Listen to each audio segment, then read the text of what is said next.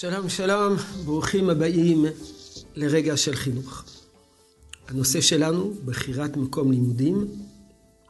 שבוע שעבר עסקנו בגיל יסודי,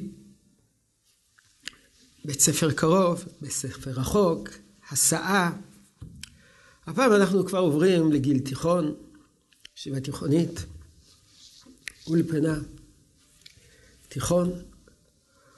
והשאלה העיקרית ביחס לגיל תיכון, זה האם לשלוח את הילד, את הבן ואת הבת, למוסד אקסטרני, בדרך כלל סמוך לבית, או לישיבה תיכונית פנימייתית, או לאולפנה פנימייתית, מרוחקים מן הבית. ההתלבטות היא בעיקר חינוכית. כמובן, יש התלבטות כלכלית. הנטל הכבד של תשלומי הורים במוסד פנימייתי, אבל ישראל קדושים, הורים מוכנים להשקיע הון רב לטובת החינוך של הילדים שלהם. לכן לא נעסוק בשיקול הזה, אם כי הוא שיקול אה, לעיתים משמעותי. אלא נעסוק בעיקר בהיבט החינוכי. בהיבט החינוכי, אה, המשמעות של לימודים במוסד פנימייתי הוא ניתוק מן הבית. הילד לא נמצא בבית. הוא בא אחת לשבוע, אחת לשבועיים. אם זה אולפנה, אחת לשבוע או פעמיים בשבוע. זה לא מגורים קבועים בבית, וברור שהנתק הנתק אה, יוצר גם נתק חינוכי. ההשפעה שלנו כהורים תלוי בקרבה הפיזית שלנו לילדים. כשאנחנו קרובים אליהם, יכולים לשוחח איתם, יכולים לדבר איתם, אפשר לשתף אותם בכל מיני דברים.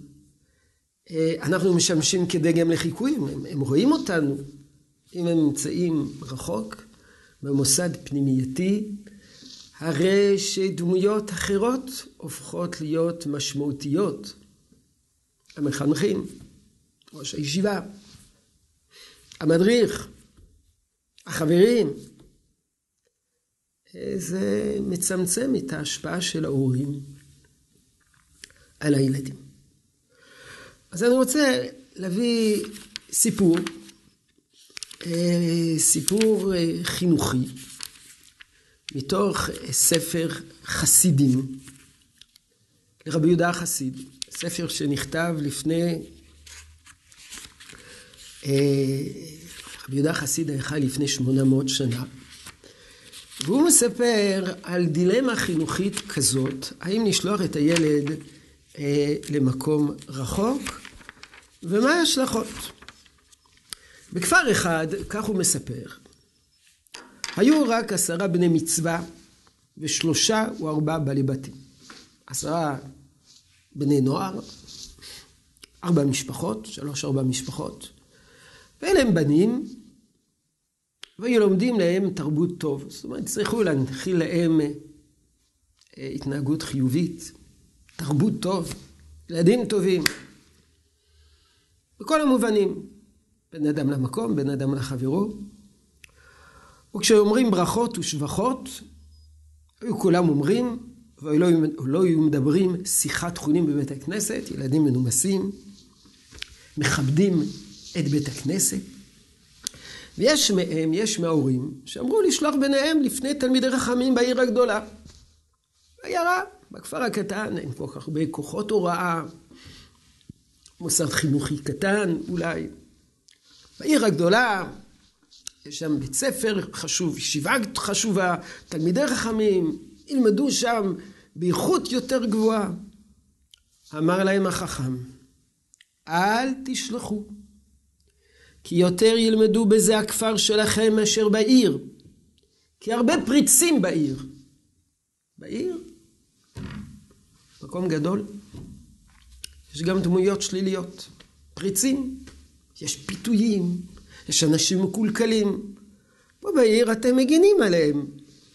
כשהם יהיו רחוקים מן הבית, אתם לא תהיו שם? כדי לשמור עליהם, ולא רצו לשמוע. ההורים לא שמעו ושלחו ביניהם. מה הייתה התוצאה?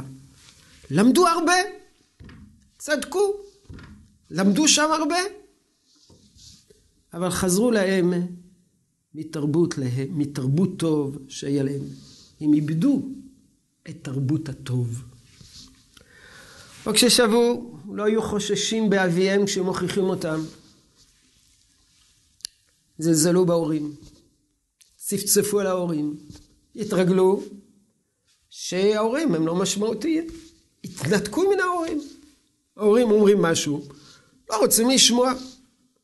אמר להם החכם, הלא זה דיברתי לכם. על זה נאמר, טוב לשבת על פינת גג. טוב שבט בארץ, בארץ מדבר. זאת אומרת, לפעמים, למרות שזה פינת גג, טוב לשבת שם.